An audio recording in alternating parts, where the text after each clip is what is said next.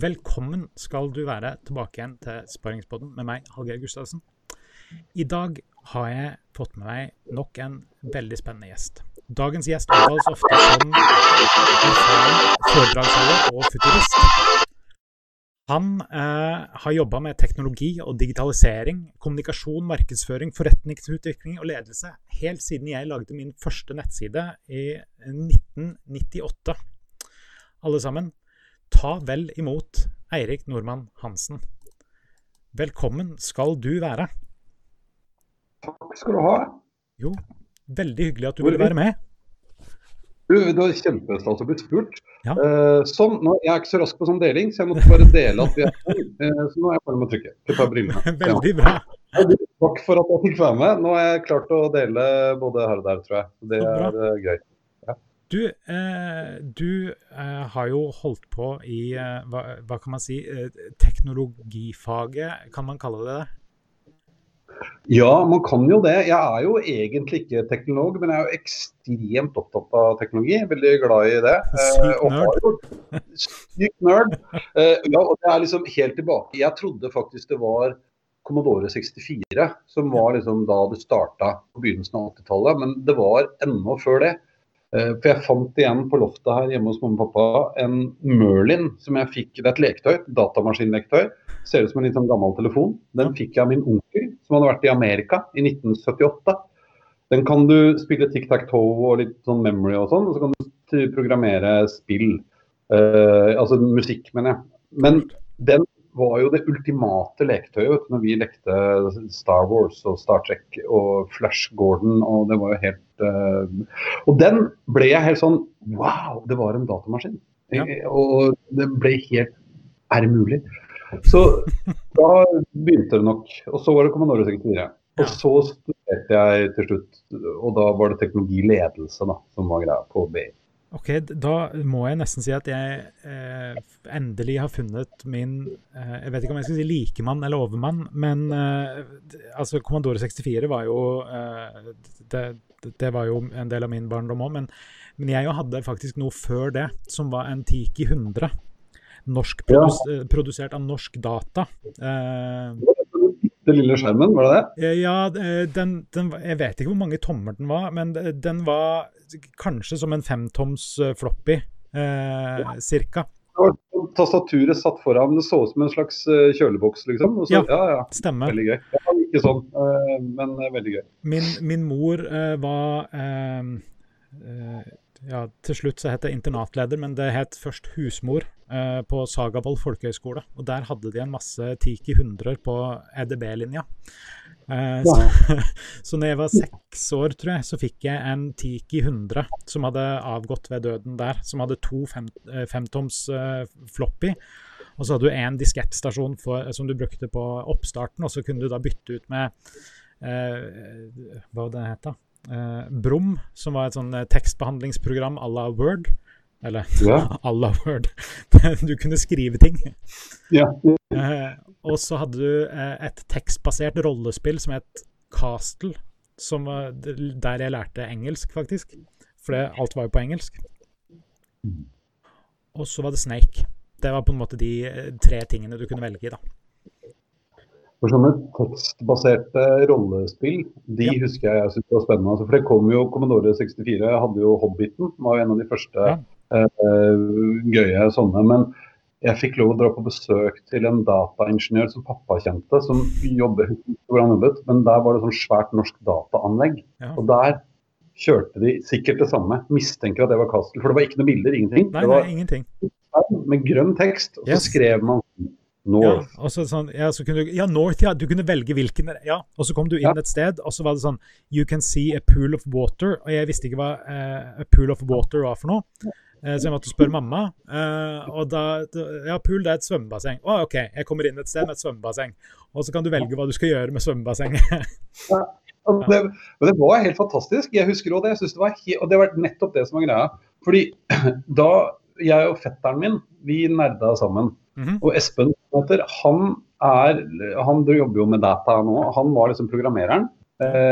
Det skjønte ikke jeg nå. Det syns jeg var kjempekjedelig. Og det å programmere. Det var sånne blader sånn, ikke sant? og skrev inn programmer. Ja, ja. Og så begynte mulig å krekke spill på Commodore 64. Ja, det du, så du hadde sånn, eh, sånn kassettspiller og Ja. Ja. Men vi hadde også lært oss at, eller Espen selvfølgelig, for han var den smarte, eh, at når du lasta inn et nytt spill som vi kjøpte i butikken, så var det sånn cartridge borte på baksida, husker du det? Du Mm. kunne kjøpe sånn cartridge-spill da. Ja. Eh, Commodore 64. Og da, hvis vi brukte sånn lampe, sånn gammel telefonledning, og tok på to av de polene, så gjorde maskinen sånn litt, du kortslutta vel litt, og da hoppet den noen ganger ut av programmet. Og da kunne du gå inn, og så klarte jeg hadde lært meg å skrive De kalte oss nemlig Gandalf the Wizards Cracking Service. Jeg hadde til og med visittkort, det har jeg på kontoret. Det fant jeg hjemme. Eh, det er veldig gøy. Med fullt navn og adresse og telefonnummer på. Og da kunne jeg skrive 'Cracked by Gandalf' i sånn ASCII-kode. Det hadde jeg lært. For da jeg var markedsføreren, jeg skrev det foran, og så kopierte vi de over på floppy-disker, de der myke. 7,5 tom eller hva det var for noe? 5 tom? fem, Nei. femtoms et eller annet, ja, 5,4 eller noe. Og så var vi såpass opptatt av å få til ting, og det var en veldig dårlig forretningsidé. eh, For vi solgte jo dette i nabolaget, ikke sant, disketter, og stappa de fulle med spill. I stedet for å liksom ta ett og ta betalt, så var det sånn én diskett med mange spill. Kosta jo ingen. Og så fant vi ut at hvis du brukte hullemaskin, så kunne du klippe høl på sida av den floppy-disken, og da Mhm. kunne du bruke den på begge sider. Og Da fikk du dobbelt. Eh, som jo òg forretningsmessig var veldig dumt. Men eh, det ja. Du blir ikke men det var en gøy erfaring. Vet du hva, jeg, eh, jeg må eh, si jeg, skal ikke si det sikkert, men jeg syns å huske at, eh, at Jeg husker altså sånn Cracked by Gandalf-spill, altså, men det, det, det kan hende at jeg, jeg nettopp lagde meg et minne, for å si det sånn. Ja. Jeg skal vise deg, jeg skal jammen i meg, jeg lurer på om jeg la det ut på Facebook her for litt siden. Jeg fant altså en bunke med sånne visittkort eh, på loftet hjemme sammen med denne Merlin-maskinen. Eh, så de har jeg på kontoret. Eh, og det, nå blir jo dette veldig mye vesentlig plapper, men det var veldig gøy. fordi da dro vi på, jeg dro på videosjappa på Torshov, og så leide vi animasjonsfilmen av 'Ringenes herre'. Eh, og så tok jeg med coveret ned til eh, han onkelen som hadde kjøpt den Merlin. Han jobba nemlig i en av de store avisene. Eh, Nei, han jobbet i VG den gang da, i Akersgata. Eh, og de hadde hustrykkeri. Så jeg dro ned dit og fikk da de til å kopiere det coveret. Og så trykket de opp visittkort med piratkopiert cover fra en leid videocover fra uh, videosamla på Torshov. Gandalf, Gandalf the Wizards Cracking Service. Jeg vet ikke hvor mange sånn eh, data-crackere som på en måte lagde visittkort med navn og adresse. Jeg vet ikke hvor smart det var. sånn. Og telefonnummer. Ja. Gamle. Ja, ja. Det er ikke noe problem. Nei, så jeg, jeg tror det er bra at vi ikke gjorde det så bra, selv om det er litt gøy, for vi kopierte jo mye spill. Ja, ja.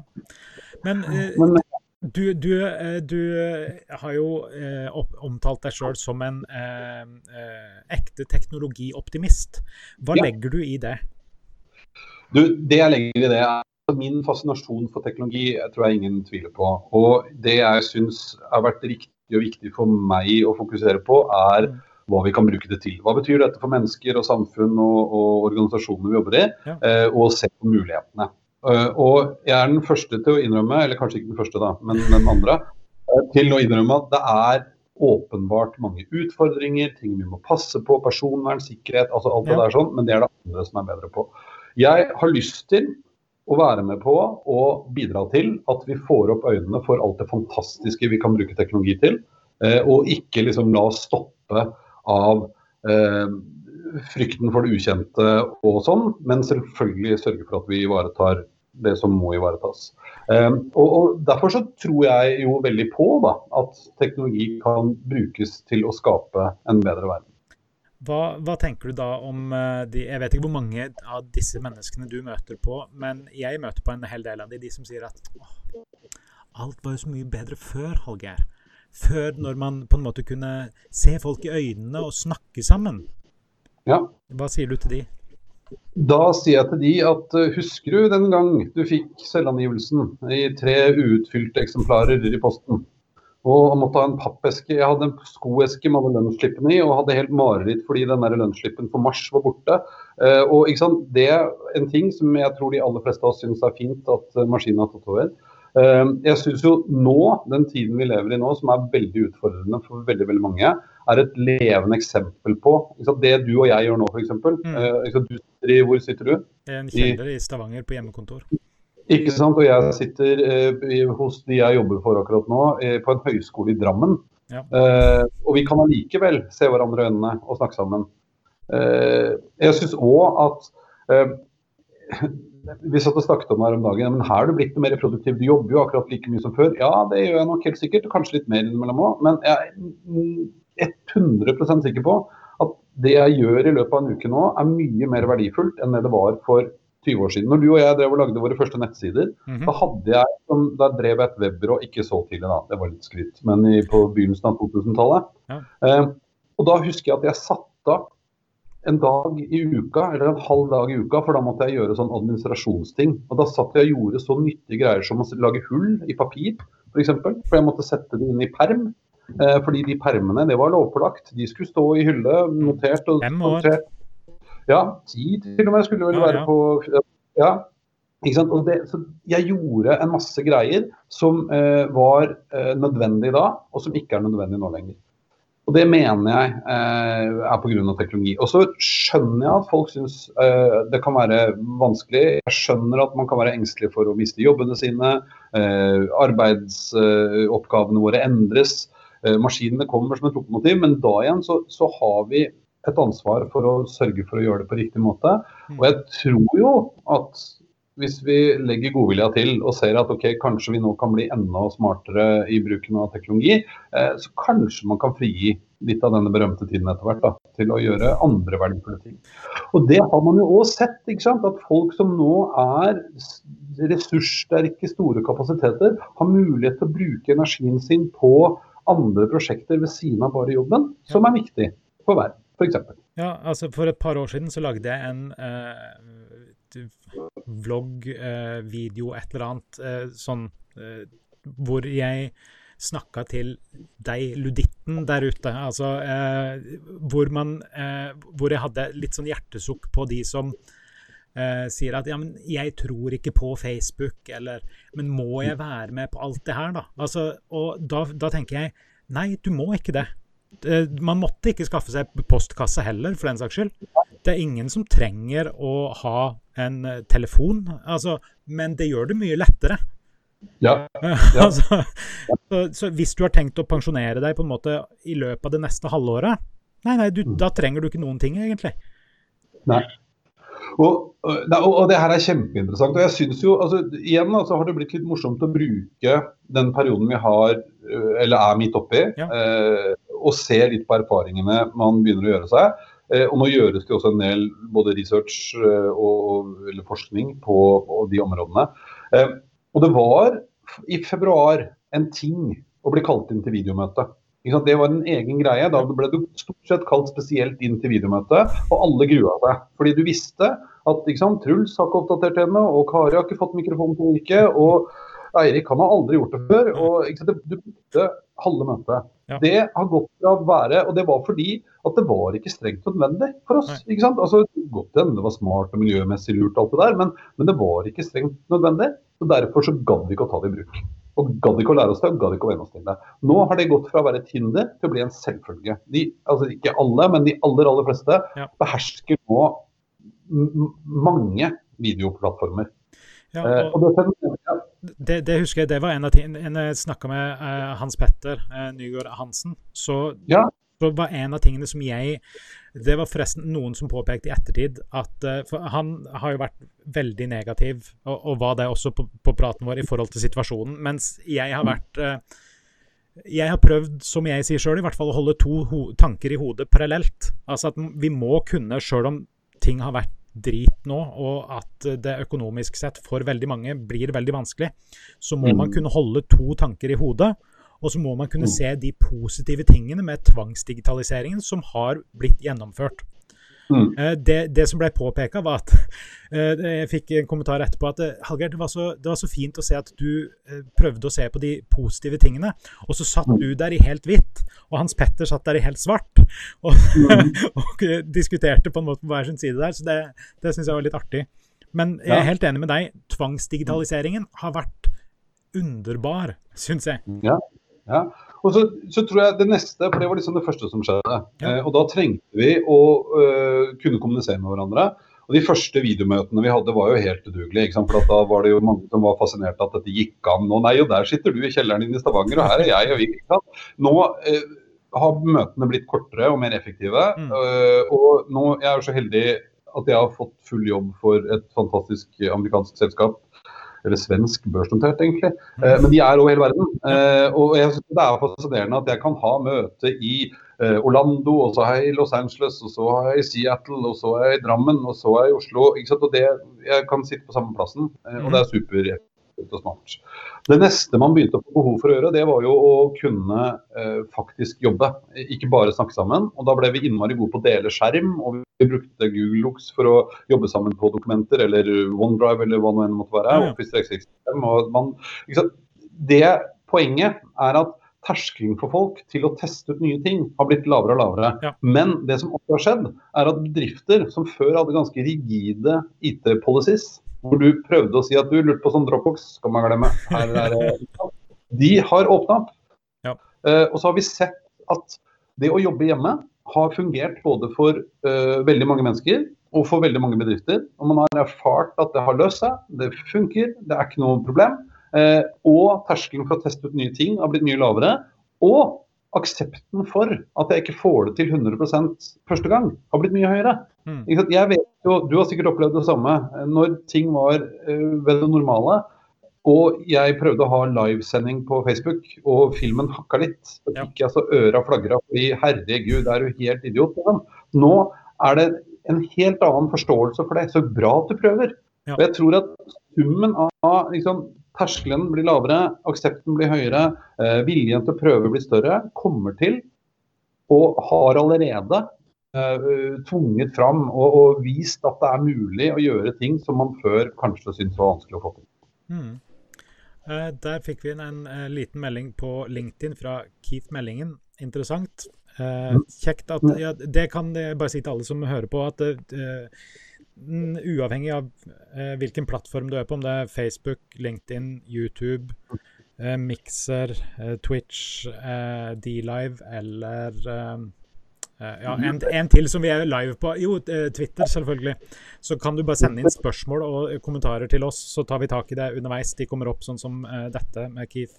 hei, forresten, Keith. Takk for at du ser på. Ja. Men, var det ironisk, eller var det alvor? Vi velger å tro at det var alvor. Eh, ja, vi, ja vi, vi, vi, tolker alt i beste mening. Mm. Uh, og, og, det har jeg òg sett at uh, en av de positive tingene med situasjonen nå, er at folk har uh, Folk har et, en lavere terskel for å teste ting. At det er bare sånn OK, la oss se om det funker. Mm. Terskelen har gått ned. Det var det han likte. Ja, takk. Og det her, det her, er en av de tingene som jeg virkelig nå eh, har begynt å grave i. Jeg prøver å få i gang et lite kanskje litt eh, drøyt å kalle det forskningsprosjekt, men jeg har lyst til å grave litt mer i det. For det effekten av dette mm. tror jeg kommer til å kunne skape fantastiske muligheter for oss. Mm. Men eh, du har òg sagt om deg sjøl, eh, eller det har blitt skrevet om deg i hvert fall, at du er en futurist. Hva vil du si at det er for noe? For det, det, da begynte jeg å lure sånn Er jeg en futurist? Uh, jeg, jeg, føler jo på en måte at jeg uh, er nok en av de som ligger lengst framme, i hvert fall i min omgangskrets. Men jeg vet ikke om det kan karakteriseres som en futurist, da. Nei, det kan du si. Og, og jeg tror futurist Jeg har vært litt i tvil faktisk om jeg skulle liksom tørre å kalle meg det, for det er et ganske stort ord. Eh, men det jeg jo vanligvis driver med når ikke verden er som den er akkurat nå, er jo å holde veldig mye foredrag. Eh, og det handler veldig ofte om hva jeg tror og mener er eh, det som kommer til å skje fremover. Jeg har også prøvd, og det er jo der den futurist, det futuristbegrepet mm. kommer, det er en slags tittel. Og det finnes nettverk og egne societies for futurister. De har sikkert samlinger òg. Men jeg har blitt veldig inspirert inspirert av noen. Eh, du har en som heter eh, Jason Silva, som er en fantastisk energisk fyr. Eh, det er en som heter Mike Walsh. eh, som er veldig spennende. Og så er det en helt nydelig partner, og hva heter ikke partner, kollega fra Stockholm. Stefan Hyttfors, blant annet. Og det jeg har prøvd å, å, å fokusere på, er jo kanskje litt det der mellomlange perspektivet. Derfor heter podkasten min f.eks. 30 minutter inn i fremtiden. fordi jeg prøver å, å, å, tenke på ok, hva er det som skjer nå, og, og, hva betyr det for oss de neste kanskje 4-5-6-7 årene. Eh, ikke sånn 20-45. Nei, 20 og 45 år er sykt vanskelig, da. Eh, fem og syv år for den saks skyld, men det er mye lettere. Altså, det er relativt mye lettere, i hvert fall. Ja, men du vet Det deilige med å snakke om fremtida er at uh, jeg kan jo gjette så godt jeg kan, jeg. Og mulig jeg tar feil. Uh, og da ja vel, da gjorde jeg det. ja, Men også hvis du gjetter mange nok ganger, så kan du ja. på en måte ta fram eh, i framtida, når en av tingene du har altså Litt sånn Nostradamus-aktig. At du bare ja. kommer med litt sånn vage, eh, vage spådommer om framtida. Så kan du ta de fram igjen da når noen av det går nesten inn. Ja, ja. Jeg var på veldig, veldig gøy uh, Eight Minutes-konferansen til INMA hvert år. Uh, og det var ett år uh, hvor uh, en som hadde vært med for lenge siden, da hadde han kommet med fem spådommer om fremtiden. Og, da holdt han da de fem årene etterpå. Uh, det samme foredraget, men, og sjekket av om man hadde rett eller ikke. Ja. Uh, og det er ikke rett. Men det er nettopp sånn som det vi var inne på i stad. Altså når vi ser sånne ting, observerer sånne ting som vi ser nå pga. en situasjon, uh, og prøver å tenke litt på hva tror jeg det vil bety nå fremover, mm. og hva tror jeg at det kan være smart å fokusere på. Ikke, ikke, så mye om det kommer en ny Facebook eller hva tar over etter TikTok, men, men hvordan, hva bør vi fokusere på videre fremover, og ikke minst hva betyr det for oss mennesker og organisasjonene og samfunnet vi er en del av. Men hva tenker du altså sånn i, i forhold til det som, har, altså det som har skjedd og det som skjer nå, hva, hva tror du blir den største konsekvensen av det for uh, ja, Hvis vi ser på AS Norge først og fremst, da? Ja, og det, det, er sikkert veldig veldig mange. Men hvis jeg ser litt på det jeg kan mene om, da, så er det jo litt det at veldig mange bedrifter nå snakker om at de skal fortsette å motivere folk til å være på hjemmekontor. Eh, fordi har, sant, man har erfart at det fungerer bra. Man ser faktisk at veldig mange mennesker har sagt at de kunne godt tenke seg å fortsette å ha den fleksibiliteten. Eh, fordi at de da kan legge opp dagen sin annerledes. Mm. ser at eh, det får en positiv effekt i forhold til miljøet, fordi at folk kanskje ikke skal reise like mye som det de gjorde før. Ja. Jeg tror, og jeg skal nesten først på Gardermoen, ja da, man skal være forsiktig og tenke seg om, men gud bedre, jeg savner å dra på tur. Mm. Men savner faktisk ikke å dra på tur sånn times møte i Bergen. For å bare være med på et statusmøte. Nei. Og Det turte jeg nesten ikke å si nei til før. I hvert fall hvis jeg var leverandøren. Eh, da ble man med på det. Det tror jeg nesten blir motsatt nå. Eh, og jeg tror at eh, når noen har begynt å regne litt på liksom, den, den, samfunnsmessige effekten også, så, så, husker jeg ikke akkurat tallet, men en, det er ikke en så stor andel av de som pendler til jobben hver dag, hvis de fortsetter å være på hjemmekontor. Det bør ikke være den samme gjengen, det kan man jo rullere på. Ja, ja. Så har løst rushtrafikkproblemet. Vi bruker umenneskelig mye tid. altså En av de største effektivitetstapene vi har i vårt moderne samfunn, det er å sitte i kø. Vi sitter i kø på T-baner og i biler og busser og tog og gud veit hva vi driver med, og gjør ingenting. Eh, det kan man komme til livs. Vi kan få en, en mindre stress. Eh, så jeg, jeg, tror at det eh, blir en av de store skiftene. Og så tror jeg, som vi var inne på, at vi kommer til å tillate oss selv å være langt mer kreative i måten vi løser ting på, som kommer til å flytte oss fremover som kan gjøre at vi kan jobbe smartere, vi kan levere bedre, vi kan levere riktigere. Eh, konkurransen blir kanskje større fordi vi kan eh, hente inn flere og, være med. Eh, en del sånne ting fordi liksom, terskelen har blitt lavere. Mm. Så Det tror jeg kanskje er noe av det største. Så, er det åpenbart at det, kommer til å og, allerede har man vel begynt å se at uh, nye forretningsområder dukker opp. Noen må hjelpe oss med å gjøre alle disse tingene. Ja. Uh, uh, og det tror jeg kommer til å endre seg. ja, for å ta noen. Ja. Litt, litt, tilbake igjen til Merlin-maskinen din, holdt jeg på å si. hva ja, men hvordan var det det at du fikk den som gjorde at du blei interessert i teknologi, eller var du interessert i teknologi og derfor fikk den? Nei, det, jeg, jeg. Dette her var jo akkurat når uh, Star, den første Star Wars-filmen kom, tror jeg, og Flash Gordon var vel liksom før det. Jeg var nok veldig opptatt av science fiction. Det okay, ja. skal, ja. Uh, Så det var nok kanskje derfor onkel tenkte at det var en gøy ting. Men det var jo også litt fordi at sånne ting fantes jo ikke i Norge. Ikke? Og han var eh, plutselig i Amerika. Um, Men at det var bensin på bålet, tror jeg ikke det er noe til å Nei, OK. Ja. Eh, liten tilbake til Keith her. Eh, kjekt at du sender inn meldinger, Keith. Eh, mer aksept for digitale har det åpnet opp dører for oss å snakke med internasjonale aktører. Vi kjører VR-møte. Det har ikke jeg prøvd. Har du prøvd det, Erik? Nei, det har jeg veldig lyst til å prøve. Jeg holdt på å få det til her om dagen. Det er veldig kult. Det vil jeg være med på, Kit. Ja. Eh, men ja, eh, og det er jo ikke sant, en av de tingene som, som Kit sier nå. Jeg, jeg jobber som sagt for dette amerikanske selskapet. Eh, og eh, det er jo liksom ikke Altså det er bare tidsforskjellen som er litt kødden, for å kalle en spade for en spade.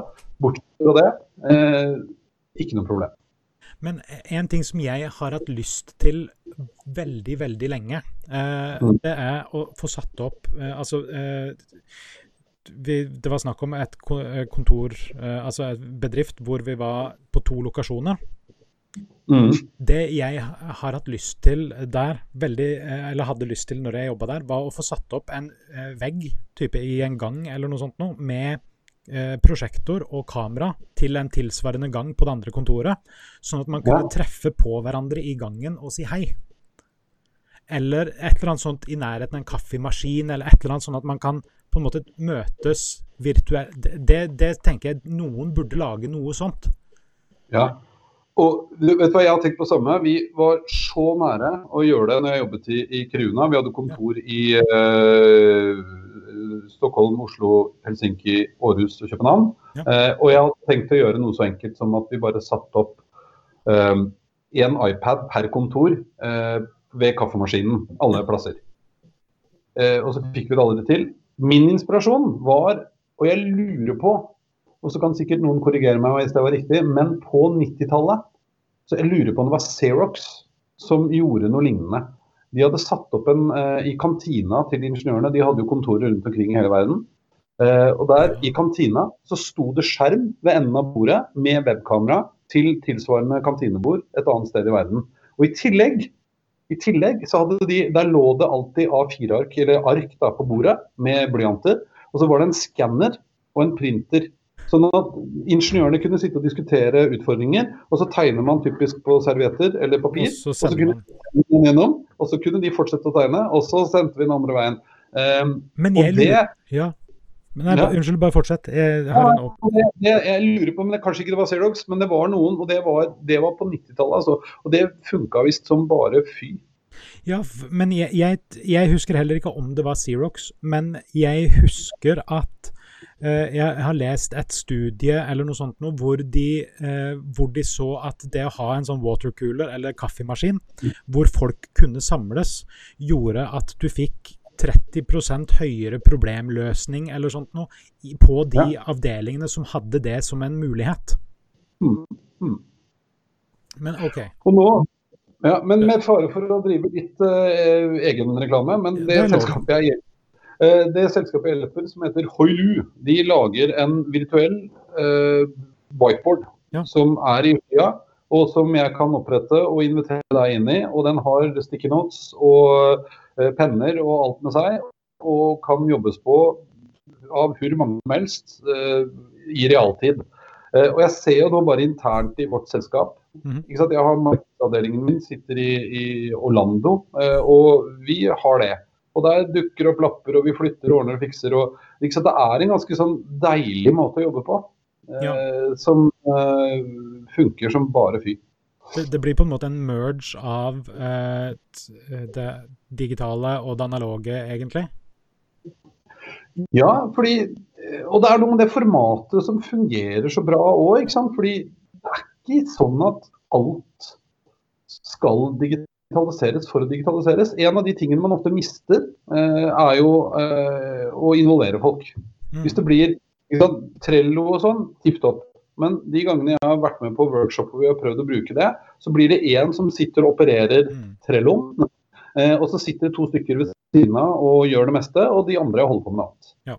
Hvis alle må reise seg opp og opp på den tavla og henge opp lapper og holde på, så skaper det en annen interaksjon. Ja, ja og det, jeg har jo også sett uh, litt på høyre Det er nesten så jeg føler vi burde sette opp en sånn kan inneholde produktplassering nå, men uh, ja.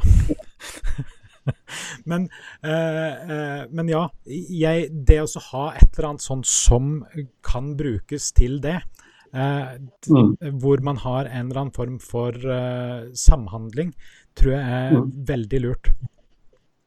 Så jeg, jeg tenker på den ideen din. Jeg tror det hadde vært kanongøy. Sette opp liksom en svær uh, skjerm med kamera begge veier. Du ja. kan se den samme gangen et annet sted, og så kan vi tegne på den veggen. Det hadde vært gøy. Men uh, ja, for mitt neste spørsmål var hva jobber du mest med nå for tiden? For jeg regner jo ikke med at du har så mye foredrag uh, for øyeblikket. Nei, bortsett fra at det har faktisk vært noen, altså. Så det er jeg veldig veldig takknemlig for. Eh, jeg har eh, blitt eh, spurt om å komme og synse om mene litt. Så det mest gøye var nå for et par uker siden hvor gjensidige og sjette sans er det mer produktplassert Nei, det er det ikke. Jeg jobber ikke der. jeg men jeg synes det var så tøft at de, de skal ha, gjensidige skal ha frokostseminar. De har det med gjennomrom, har jeg skjønt. For, og denne gangen var det for bilbransjen. Og da leide de Telenor Arena, og så hadde vi drive-in-konferanse. Så jeg sto på scenen, og gjestene kom med bil. Ah, det var litt rart å stå på en stor parkeringsplass og snakke med masse biler, men, og de blinket og tuta da, istedenfor å klappe. Eh, og så holdt jeg faktisk et lite foredrag for eh, Stormberg eh, på fredag i Kristiansand, eh, så det er gøy. Men, eh, så jeg jobber med, jeg jobber med eh, innhold og tanker og ideer som jeg kan snakke om og skrive om, og, og en del gøyale konsepter for å liksom, utvikle mitt selskap og meg videre. Men midt oppi dette så har jeg da vært utrolig heldig og blitt leid inn som markedsdirektør, heter det vel på norsk, for da Hoilu. Eh, som er dette samhandlingsplattformselskapet. Mm. Eh, og som er i en veldig gøy fase hvor de har beveget seg fra å være en hardware-leverandør som faktisk lagde fysiske skjermer med det softwaret på, til nå å ha gått over til å levere softwaret og en hva heter det for noe? sånn abonnementsbasert forretningsmodell. Ja. Eh, og jobbe med det i hele verden. Så det gjør jeg masse akkurat nå. Men har de, bare sånn for å spørre deg har de, eh, leverer de fortsatt de fysiske eh, tingene, eller har de gått helt bort fra det og til det digitale? Nei, ja, en sted midt imellom. Først så produserer de faktisk eh, sånne skjermer sjøl, eh, og prosjektorer. Nå eh, samarbeider de. De har noe som heter Hoilu Wall, som er veldig tøft. Da bruker man prosjektorer. Eh, så du kan ha flere prosjektorer ved et skjell har en vegg som er ti meter lang, som da er interaktiv. Og det er mye billigere enn å kjøpe uh, touch LCD-skjermer i samme ja. lengde og størrelse og henge på veggen. Ja. Uh, men det er jo softwaret som er clouet. Sånn at som bedrift så kan du da nå lease en vegg og fire skjermer som leveres av noen andre, og vårt software og abonnement. Og vi lager også eh, spesialmoduler, særlig sånn for construction og sånn, som skal ha store planleggingsmoduler som, eh, som, eh, for å planlegge prosjekter som skal gå over mange år, ja. så har man ofte de oppe på sånne store vegger. Mm. Kult.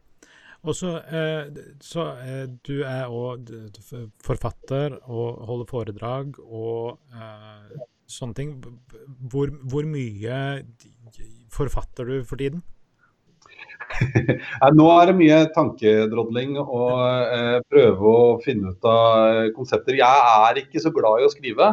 Eh, og det forfatterskapet Jeg ble invitert inn i et bokprosjekt av en eh, veldig god advokatvenn av meg som heter Christian Bendiksen.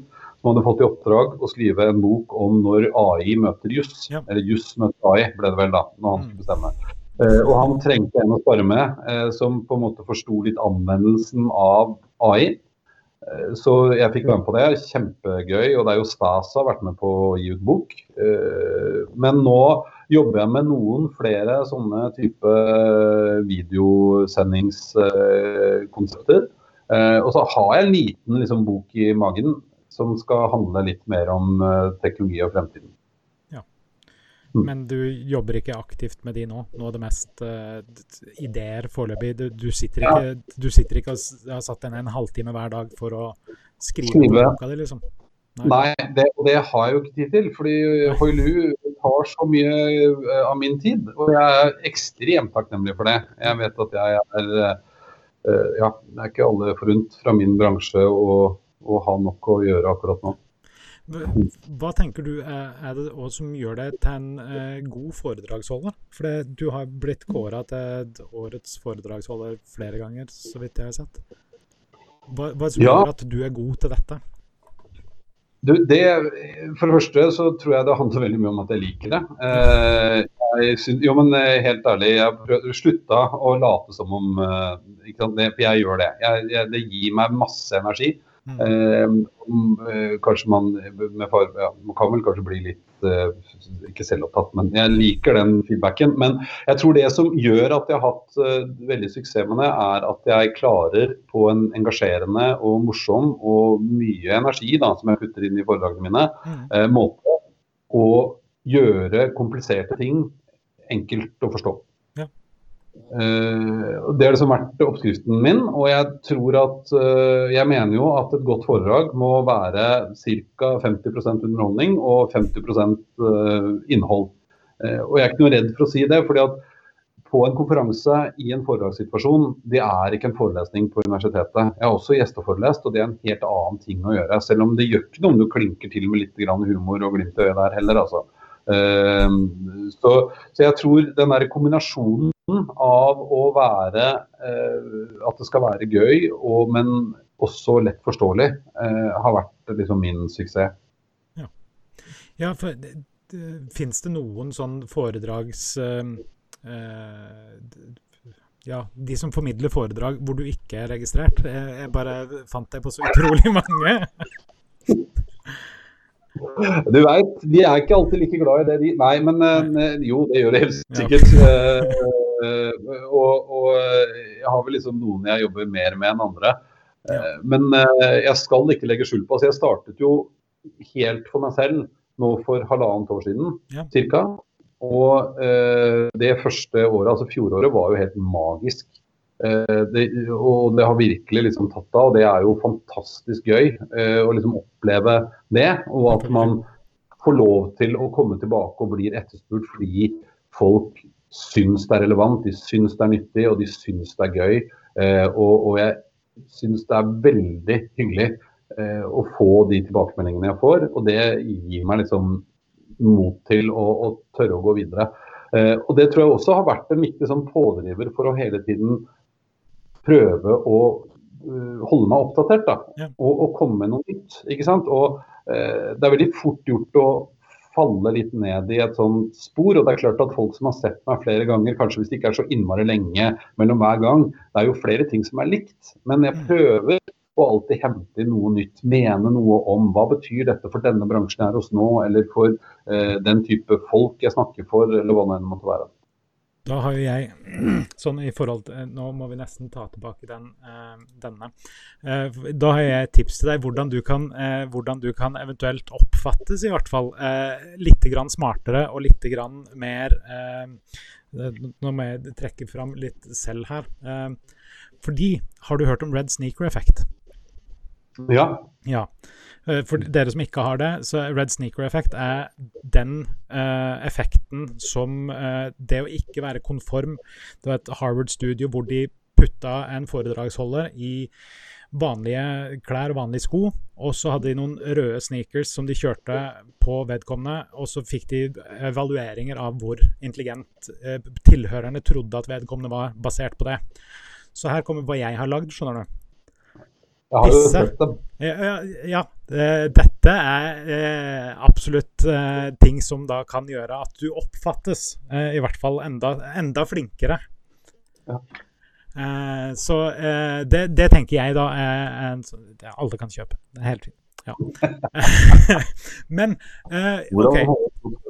Ha på deg røde sko? Ja, ja ja men det, det, mener jeg. For tanken min der var OK, hvordan Hvilke andre ting enn eh, Altså, jeg må jobbe med foredraget sitt og eh, presentasjon og de tingene, men hvilke andre utenforliggende ting kan du faktisk påvirke som gjør at folk sitter igjen med et best mulig inntrykk av deg og foredraget ditt? Mm. Og ja, så hørte jeg en podkast, naturlig nok, om, eh, om, Red Sneaker Effect, og da tenkte jeg, da var ideen født. Ja, det er gøy. Eh, hva, hva, er de tingene du liker best med å reise rundt og, og, snakke med folk, da? Eller snakke til folk, snakke med folk. Du gjør vel begge deler, tror jeg? Ja, jeg gjør begge deler. Nei, jo, men det er noe med de folka, eh, ja. faktisk, eh, som er viktig. Eh, fordi jeg er veldig nøye med å komme i god tid. Eh, og jeg er også veldig glad i å bli igjen etterpå etter at ja. jeg har snakket. Ikke bare komme og snakke og stikke hjem. Eh, og, og, i hvert fall så prøver jeg alltid å få blitt til første pausen, sånn at jeg kan gå rundt og snakke med folk. Mm. For det er noe med å merke at jeg inspirerer folk til å tørre å prøve nye ting, eller at jeg tilfører dem en eller annen motivasjon til å gå hjem og lære litt mer om noe av det jeg har snakket om. Eh, det er vel kanskje det aller mest givende. Ja. Eh, og jeg får utrolig mye hyggelige meldinger altså i alle kanaler. Eh, og det setter jeg uendelig pris på. For jeg satte meg som mål når jeg liksom ble foredragsholder på i hvert fall når det ble en viktig del da, av, av, min virksomhet, at liksom, hva er det jeg prøver å oppnå med foredragene mine? Og jeg igjen tilbake igjen til liksom konseptet mitt. Det skal være energisk og det skal være inspirerende og engasjerende. Så kommer man ikke på et foredrag med meg for å bli ekspert i AI. Men hvis du går hjem derfra og tenker at vet du hva, de der AI-greiene, det lurer jeg på om jeg skal lære meg litt mer om. Da har jeg lykkes. Ja. Mitt mål igjen som denne teknologioptimisten er å åpne folks øyne for at det finnes ting der ute som kan være relevant for deg, som kan være smart å forstå, som kan være noe du kan bruke mm. for å uh, lykkes, få til mer, hva nå enn måtte være. Og hvis jeg klarer å inspirere deg til å gå hjem og grave deg litt mer ned i noe av det jeg har snakket om, da har jeg lykkes. Hvilke ting misliker du med den jobben du har, da? Om noe? Nei, det Ja, hva er det for noe?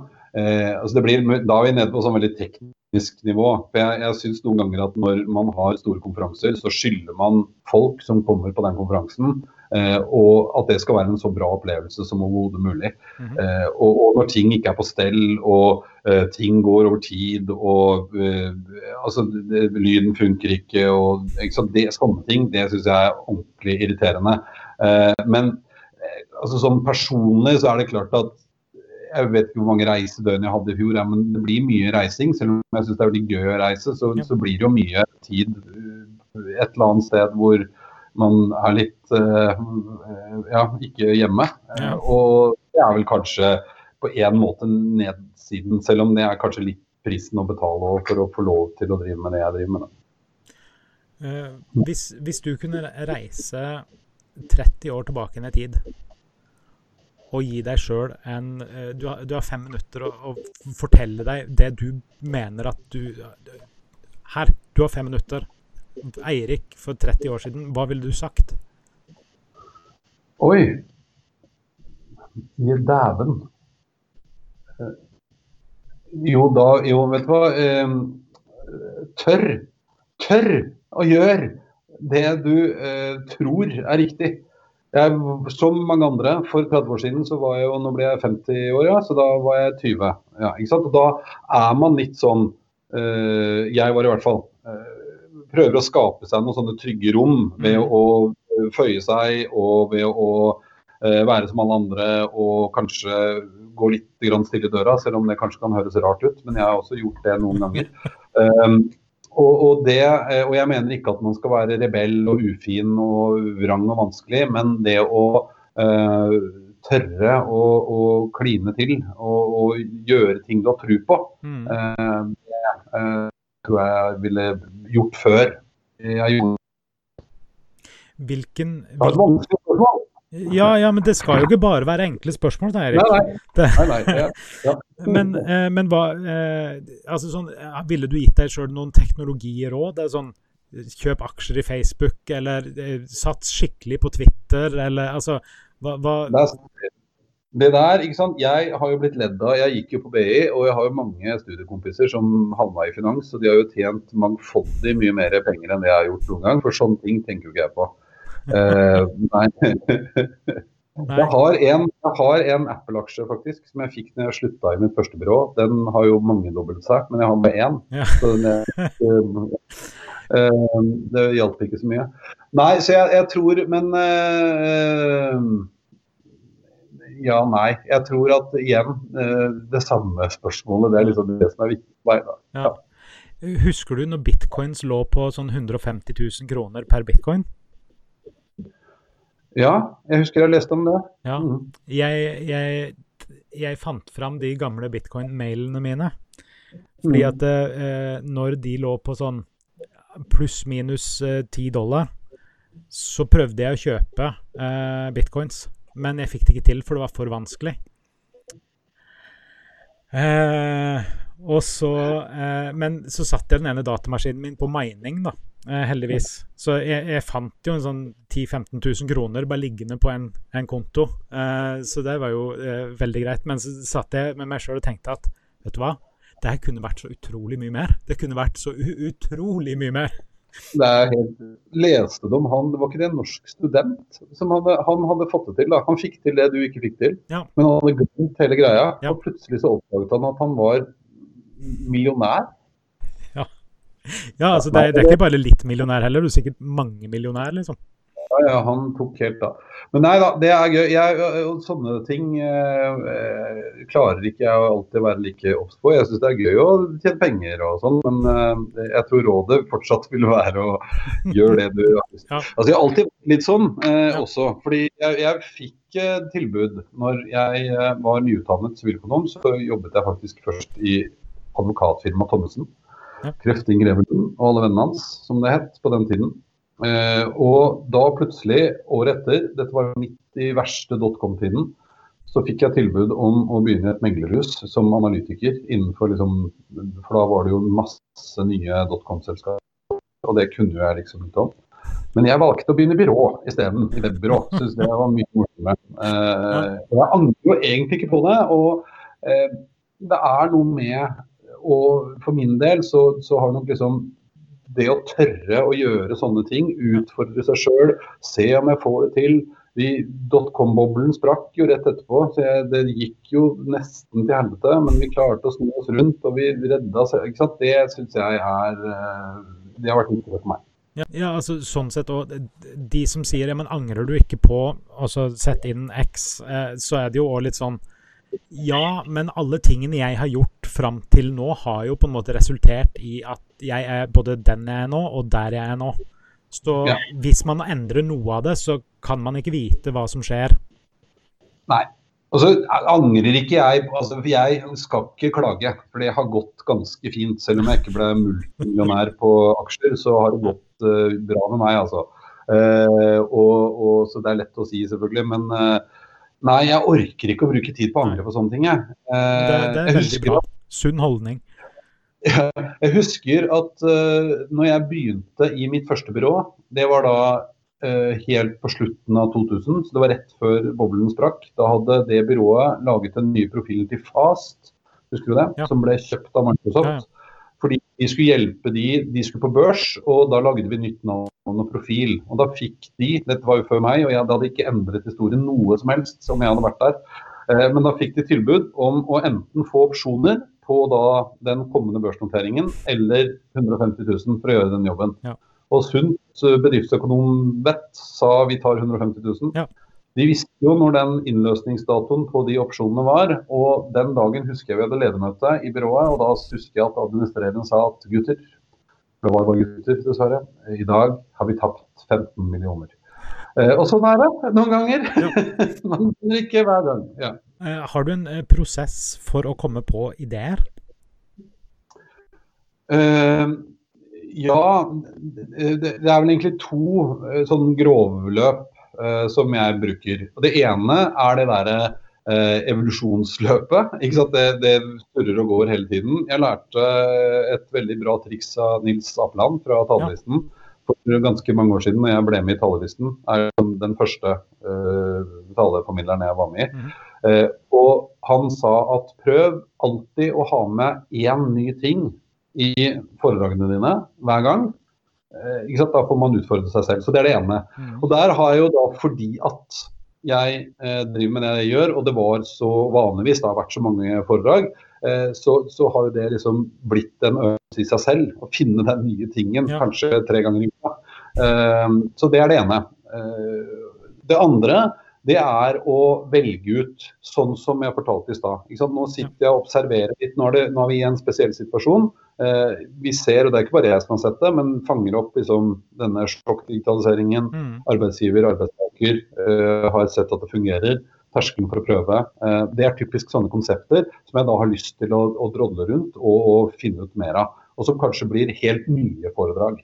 Eh, så det er kanskje de to sånn hoved tingene. Og, og, prosessen videre da, det er mye sånn eh, tankekart å tegne på veggen og lapper og holde på. Eh, og så prøve, prøve, å få det ned til noe. Mm. Ellers så en annen gøyal prosess eh, som jeg lærte egentlig i Kruna. og Det er mer som jeg skal skrive ting. Jeg skulle ønske jeg var flinkere og bedre, eller eh, jeg er flinkere til å skrive. Eh, men det jeg gjør nå, jeg har en datter som heter Synne, som er fantastisk god til å skrive. og Da skriver jeg sånne oppgulp, kaller vi det. Far skriver ned tankene han har, sender til Synne, får tilbake en halv side hvor jeg tenker at jøss, så smart jeg er. Og så er det sånn posten. Uh, og uh, det funker veldig, veldig ja. fint. Mm. Jeg, pleier å skrive når jeg ikke vet nøyaktig hvordan jeg vil si noe, uh, men mm. ønsker å på en måte her ønsker jeg å uttrykke dette. dette har jeg lært av han som er styreleder hos oss. og så bare skrive det som klammer at ja. insert eh, intelligent setning om bla, bla, bla her. Ja, det er gøy. Ja. Og så har jeg, Det kan jeg vise deg, da, for jeg har alltid i innerlomma eh, så har jeg da en eh, ja, det er den bitte lille Molskin-boken min. Ja. Eh, og en eh, sånn eh, ordentlig kulepenn som jeg fikk av min far en gang for mange år siden. Sånn uh, jålete penn. Mm -hmm. eh, og her skriver jeg ned tanker og ideer. Eh, og ting og sitater og hva det enn måtte være. Her f.eks. digital modenhet har jeg tenkt noe lurt om her. Ja. Tegnet noen grafer og greier. Kjempegøy. Det her er, og Da plukker jeg fram den innimellom og bruker eh, Så det funker også. Har du et system for å få de input-ideene på en måte inn i et eller annet, sånn at du husker på det, eller er alt analogt og litt, uh, no offense, men litt kaospreg? Nei, det er helt riktig. Denne her er fordi at uh, det er like. Altså det er et eller annet litt sånn deilig sanselig med det. Uh, og så bruker jeg et sånn mindmapping-program som mm. heter Mindmot. Ja. Uh, som både er på Mac-en og telefonen og på nettet og hvor nå enn. Ja. Eh, og der lager jeg eh, tankekart, gjerne rundt temaer, gjerne rundt nye foredrag.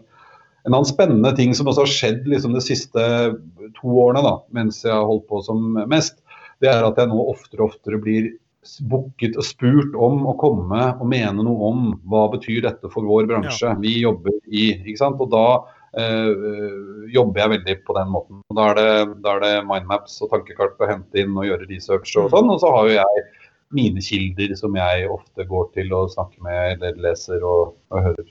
Men det, ja, det, dette syns jeg var veldig spennende, fordi det betyr at du faktisk har et system altså Veldig mange har jo den eh, boka som de noterer i. Mm. Veldig mange har det. Men det er veldig få egentlig som har et system for å få det inn til noe som kan brukes videre. Uh, og derfor Altså, jeg har, uh, jeg har Omnifokus, som jeg bruker til å på en måte bare Oppgaver til meg sjøl. Og så har jeg et notatprogram som jeg bruker til å ta digitale da, notater à la det du gjør. Men mm. derifra, og så må det da prosesseres til Jeg bruker også MindNode, men om det skal Om det er noe som kan eller skal gjøres noe med nå, eller om det er noe mm. som bare må ligge og modne litt til. Uh, så mm. får man se, da. Men det er ja, veldig kjekt at du, du har på en måte et faktisk system rundt det. Ja, og jeg, jeg, har prøvd litt forskjellig. for jeg, altså Omnifokus husker jeg ble veldig fascinert av, men det ble rett og slett for avansert for min del. Da, det, da, det ble for mye. Eh, og så var jeg veldig fan av Evernote ja. i lang tid. Helt til de ødela det. Ja, og så ble det litt som det jo ofte blir med sånne filstrukturer. Sant? Det blir jo bare kaos. Jeg Ja. huska jo ikke hva som var og sånn. Um, og der hadde jeg et ganske eh, rigid system, uh, så det skled litt bort. Og så var jeg litt i limbo en stund, visste ikke helt hva jeg skulle finne på. Så da eksperimenterte jeg litt med den store Molskin-boka med den digitalpennen. Ja, det har jeg ikke Eh, prøvd.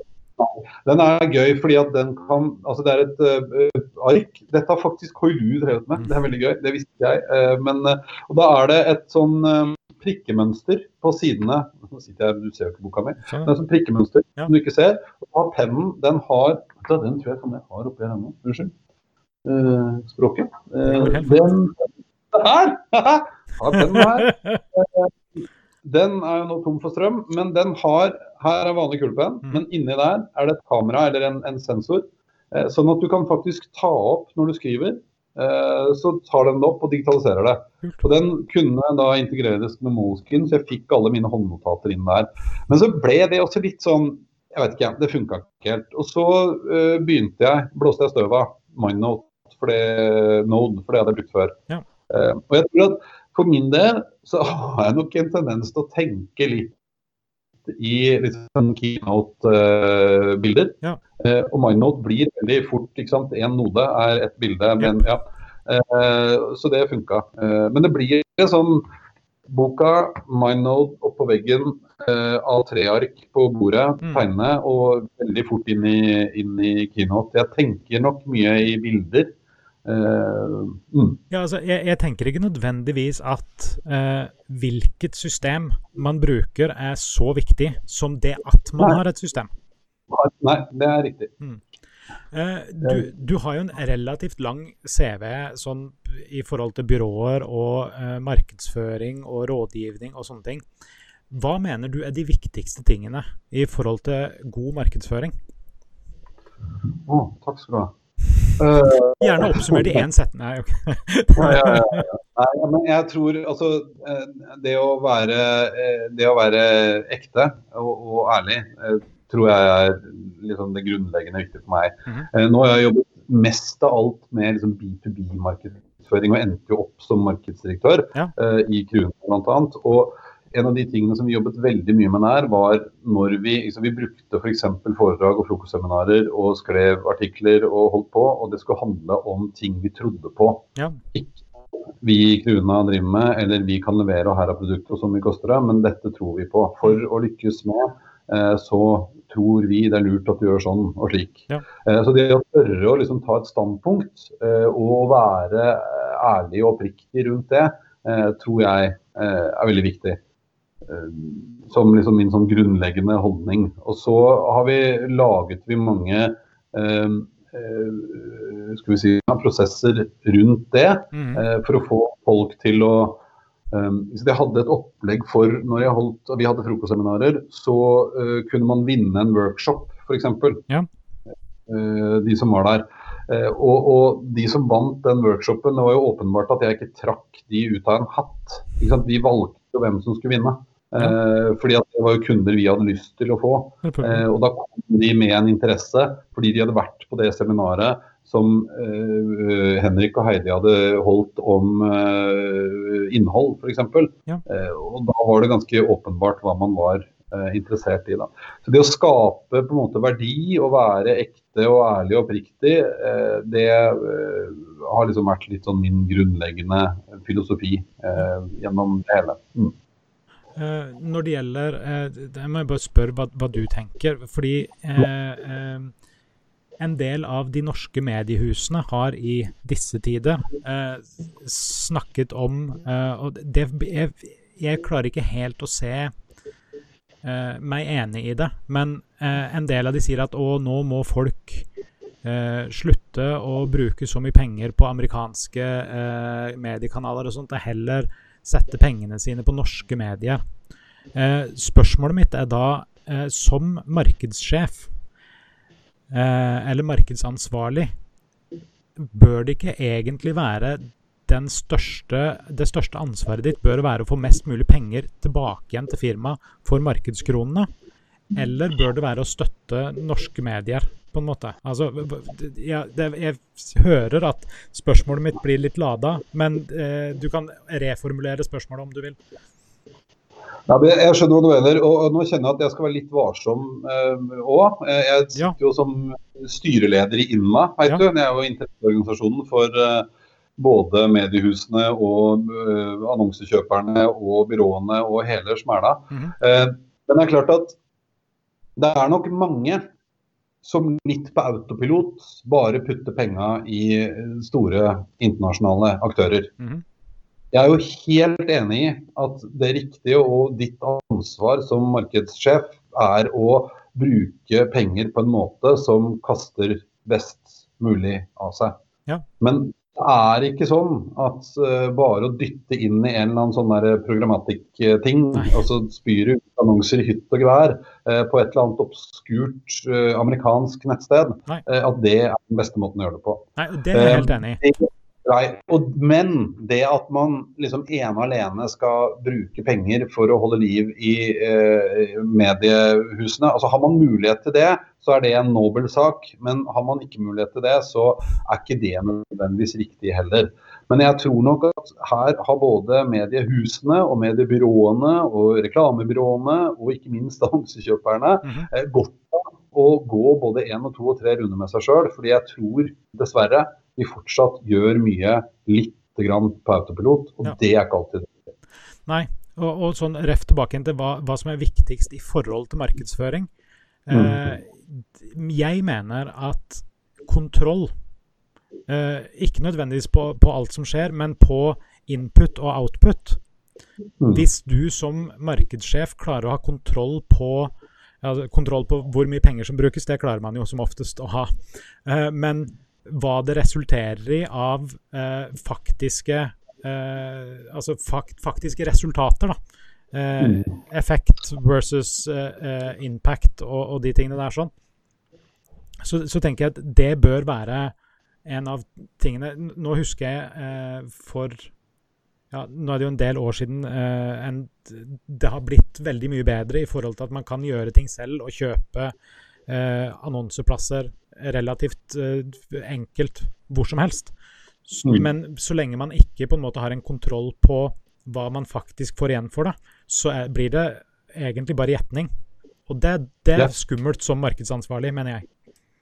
Veldig. Og, og, dette har vi jo, som har jobbet uh, i byråverdenen også, kanskje sett litt ofte. At, at grunnen til at man gjør som man gjør, er fordi at man alltid har gjort det ja. før. Eh, eh, ja, og mange bedrifter har jo med, med, med all respekt å melde eh, klart seg ekstremt bra. Men når du begynner å utfordre, liksom, er du sikker på at det å sende ut uadressert unnavis er veien å gå, ja. Eh, så har de Det er tøft fordi man ofte ikke har det tallmaterialet. Mm. Jeg tror norske bedrifter har ikke vært flinke til dette historisk sett. Mm. Eh, og da, da, har du faktisk heller ikke nødvendigvis det riktige grunnlaget eh, for å tørre å ta det bort. Da. Du har ikke lyst til å være den markedssjefen som slutta å sende den avisen og gikk sjappa åt skogen. Nei. Men jeg begynner å lure noen ganger. Nå har jeg sant, et halvannet år hatt eget kontor. Og jeg har jo da firma og AS. Eh, og jeg ser jo hva jeg får av greier i den postkassen. ja. Og da blir jeg jo helt sånn Hvem er det som har bestemt det? Hvor kom det fra? Nå Her om dagen så fikk jeg en sånn katalog med utstyr for oppmerking av vei. I tilfelle du ville ha det, da.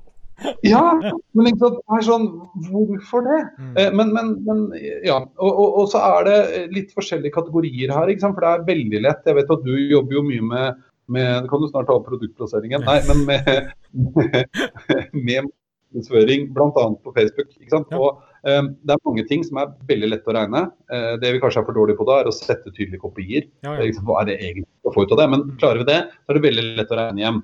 Men så har du andre kategorier igjen som er liksom, som jeg har jobbet mye med òg i egentlig alle byråene jeg har vært i, eh, som handler om posisjonering og merkevarebygging. Ja. og sant, At vi investerer tid og penger i å etablere dette store konseptet eller ny profil. eller sant, Det kan du ikke nødvendigvis regne hjem over de neste to, tre, fire månedene. Eh, de har en lengre horisont.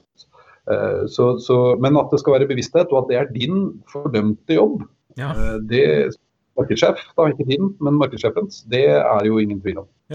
Ja, nei, og det er det jeg mener, at alt man ikke kan måle, så gjetter man jo basically. Så Mm. man kan gjette så ed ed educated guesses som overhodet mulig, men det, det, er- det er alltid lurt å prøve å ha kontroll på tingene. Ja, ja. Eh, hva vil du si gir deg system og orden i livet?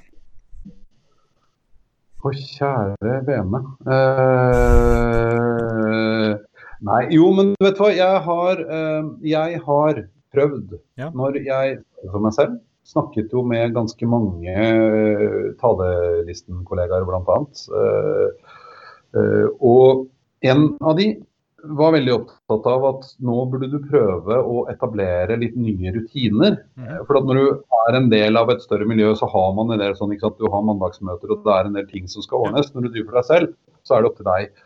Eh, eh, og det eh, tror jeg har vært det viktige. Altså Hvis jeg ikke skal ut og reise og er ute og holder foredrag, eller holder på, så går jeg på kontoret. Jeg er på kontoret klokka ni. Jeg bruker kanskje den første timen til å lese enten litt i lille boken min, eller en eller annen artikkel, eller et eller annet. Så jeg har prøvd å etablere noen sånne holdepunkter Ja. i, dagen min som, som skal hjelpe meg å ha litt struktur på ting. For jeg er verdensmester til å sette i gang ting. Altså det er sånn, Jeg må alltid titte bak mailprogrammet, for der ligger det da en 7-8-9-10 mail jeg begynte på, som jeg da noen ganger også tror jeg har sendt, men som jeg ikke har sendt.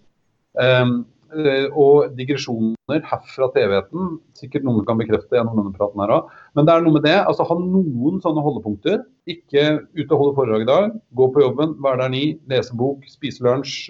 Eh? Gjøre sånne ting. Og trening eh, har for meg, det er jo et helvete akkurat nå, men det er en eh, viktig ting. å holde på. Og så er det jo disse, disse smågreiene. ikke sant? Det å jeg liker å holde meg i gang. Eh, så ja. Eh, bare innføre et lite begrep i den kollektive bevisstheten i Norge eh, som vi liker på, på Vekora å kalle for grisehaleteorien. Ja. Som er at man, man snakker om noe, og så tar man en liten grisehale, eller digrederer litt. Og så Ja. kommer man forhåpentligvis tilbake igjen og kan fortsette etter hvert.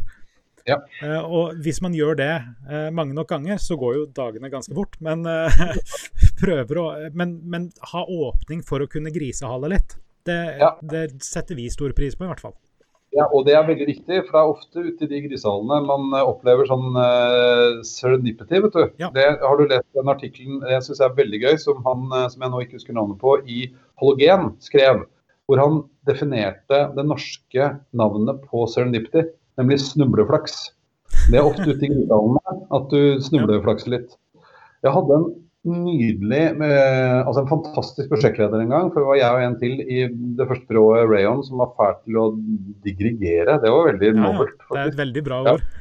Ja. Vi fikk eh, da i sånne workshoper, så fikk Magnus og jeg, vi fikk av, eh, av Tine som nett, prosjektleder, vi fikk fire digresjoner hver. Det hadde hun kontroll. Veldig bra. Ja. Eh, men eh, ja, nei, hoved, altså hovedverdien i, i selskapet jeg, jeg ble jo ansatt der for fem og et halvt år siden eller noe sånt nå, og fikk Mm. beskjed om at eh, hos oss er på en måte kjerneverdien at den beste ideen skal vinne. Mm. Så november 2017 så gikk jeg inn på kontoret til sjefen og sa du, du har alltid sagt at den beste ideen skal vinne. Hør på dette. Du slutter som daglig leder, og så begynner jeg som daglig leder heller. Fordi at jeg er mye flinkere enn deg til å på en måte få med meg folk og være ute og snakke og sånt. Og så kan du heller bare sitte og planlegge og sånne ting. Det er mye bedre. Ser han på meg så bare sånn Ja, la oss gjøre det. Og så var det gjort. Ja, det er veldig bra. Men da er du inne på det jeg sa til eh, Eirik Tyve òg. Altså det å tørre å Ja. gutse. Eh, for det hadde du ikke turt, antagelig, nei. når du var 20. Nei, nei det, det hadde jeg nok ikke. Jeg, eh, Nei. eh, tre ting du ikke klarer deg uten. Eh, datamaskinen min. Mm -hmm. Hvilken type datamaskin har du? Jeg har en Macbook Pro. Ja, okay, ja. Eh, hva heter det? 13 tommer. Uh, ja, den eller telefonen kanskje er vel uh, Det er litt tips om app, men en av de. Eh, havregryn. Jeg spiser så mye havregryn at du ikke tror det. Det er helt latterlig hvor mye havregryn jeg spiser. De amerikanerne tror jeg er en, en hest. Fordi Ja. hver gang jeg møter, så har jeg en sånn skål med havregryn her, f.eks. Ja. ja. Eh, og dette ble jo bare fjas. Jeg vet ikke. Nei, jeg, det og treningen min, egentlig. Eh, Android eller iPhone? Nå har du innrømt at du har en Mac, så da tipper jeg iPhone. iPhone. Eh, tre favorittapper? I tillegg til Hoilu, selvfølgelig. Ja, den har ikke kommet som app ennå, det kommer snart. Men takk skal ha. Eh, jo, det er den Mind, mind eh, Note uh, Note? Mind- er det Mind Note? Mind Node. Node? Node. Ja, nemlig. Ja, Mind Node. Det er Node, sekseren, sekseren du har? Ja, ja, ja. Eh, og så er det nok Messenger. Naturlig nok, ja. Ja. Eh, blitt veldig, veldig glad i den. Eh, og den siste eh, er vel faktisk rett og slett eh, Det er vel faktisk rett og slett eh, nettleseren min, altså Safari-appen. Er det lov? Ja, ja det er helt lov. Ja. Ja. ja. Eh, foretrekker du Instagram eller Snapchat? Instagram. Eh, Jeg YouTube, skjønner ikke meteren av Snapchat. YouTube eller TikTok? YouTube. Ok, Så eh, alle intervjuene mine så jeg avslutter jeg med de ti spørsmålene fra Inside the Actor Studio. Så det er Ja. ti kjappe spørsmål. Av og til så kommer det òg kjappe svar. Det kan vi se. Eh, hva er ditt favorittord? Uh, hva er det Ja, tut og kjør. Det sier jeg jo hele tiden. Ja, det står på nettsida di òg, hvis jeg ikke husker det helt feil. Ja, ja. Det har blitt et slags slogan. Ja. Ja. Hvilket ord liker du minst?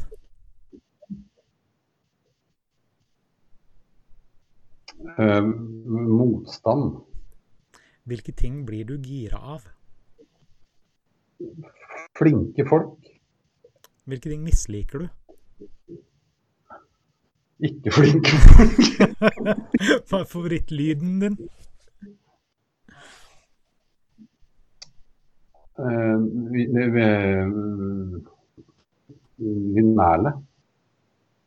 Uh, uh, hvilken lyd hater du? Oh, uh, Bikkja til naboen. Håper jeg ikke du hører på naboen, men den er utrolig fint. Ja. Hva er favorittbanneordet ditt? Det er faen. God gammeldags. Hvis du skulle hatt et yrke utenom det du har nå, hva skulle det ha vært? Det tror jeg skulle vært eh, marinbiolog. Hvilket yrke ville du absolutt ikke ha hatt? Revisor. Hvis himmelen eksisterer, hva ville du helst at Gud skulle sagt til deg når du kom dit? Endelig. Tusen takk, Eirik. Eh, det har vært en fornøyelse å ha deg med. Jeg håper å få invitere deg med en annen gang også. Eh, til dere som har sett på, eh, takk for eh, spørsmål og eh, kommentarer, og eh, takk for at du har sett på. Jeg er tilbake igjen i eh, morgen også, allerede. Eh, så ha en riktig fin dag, og så snakkes vi plutselig.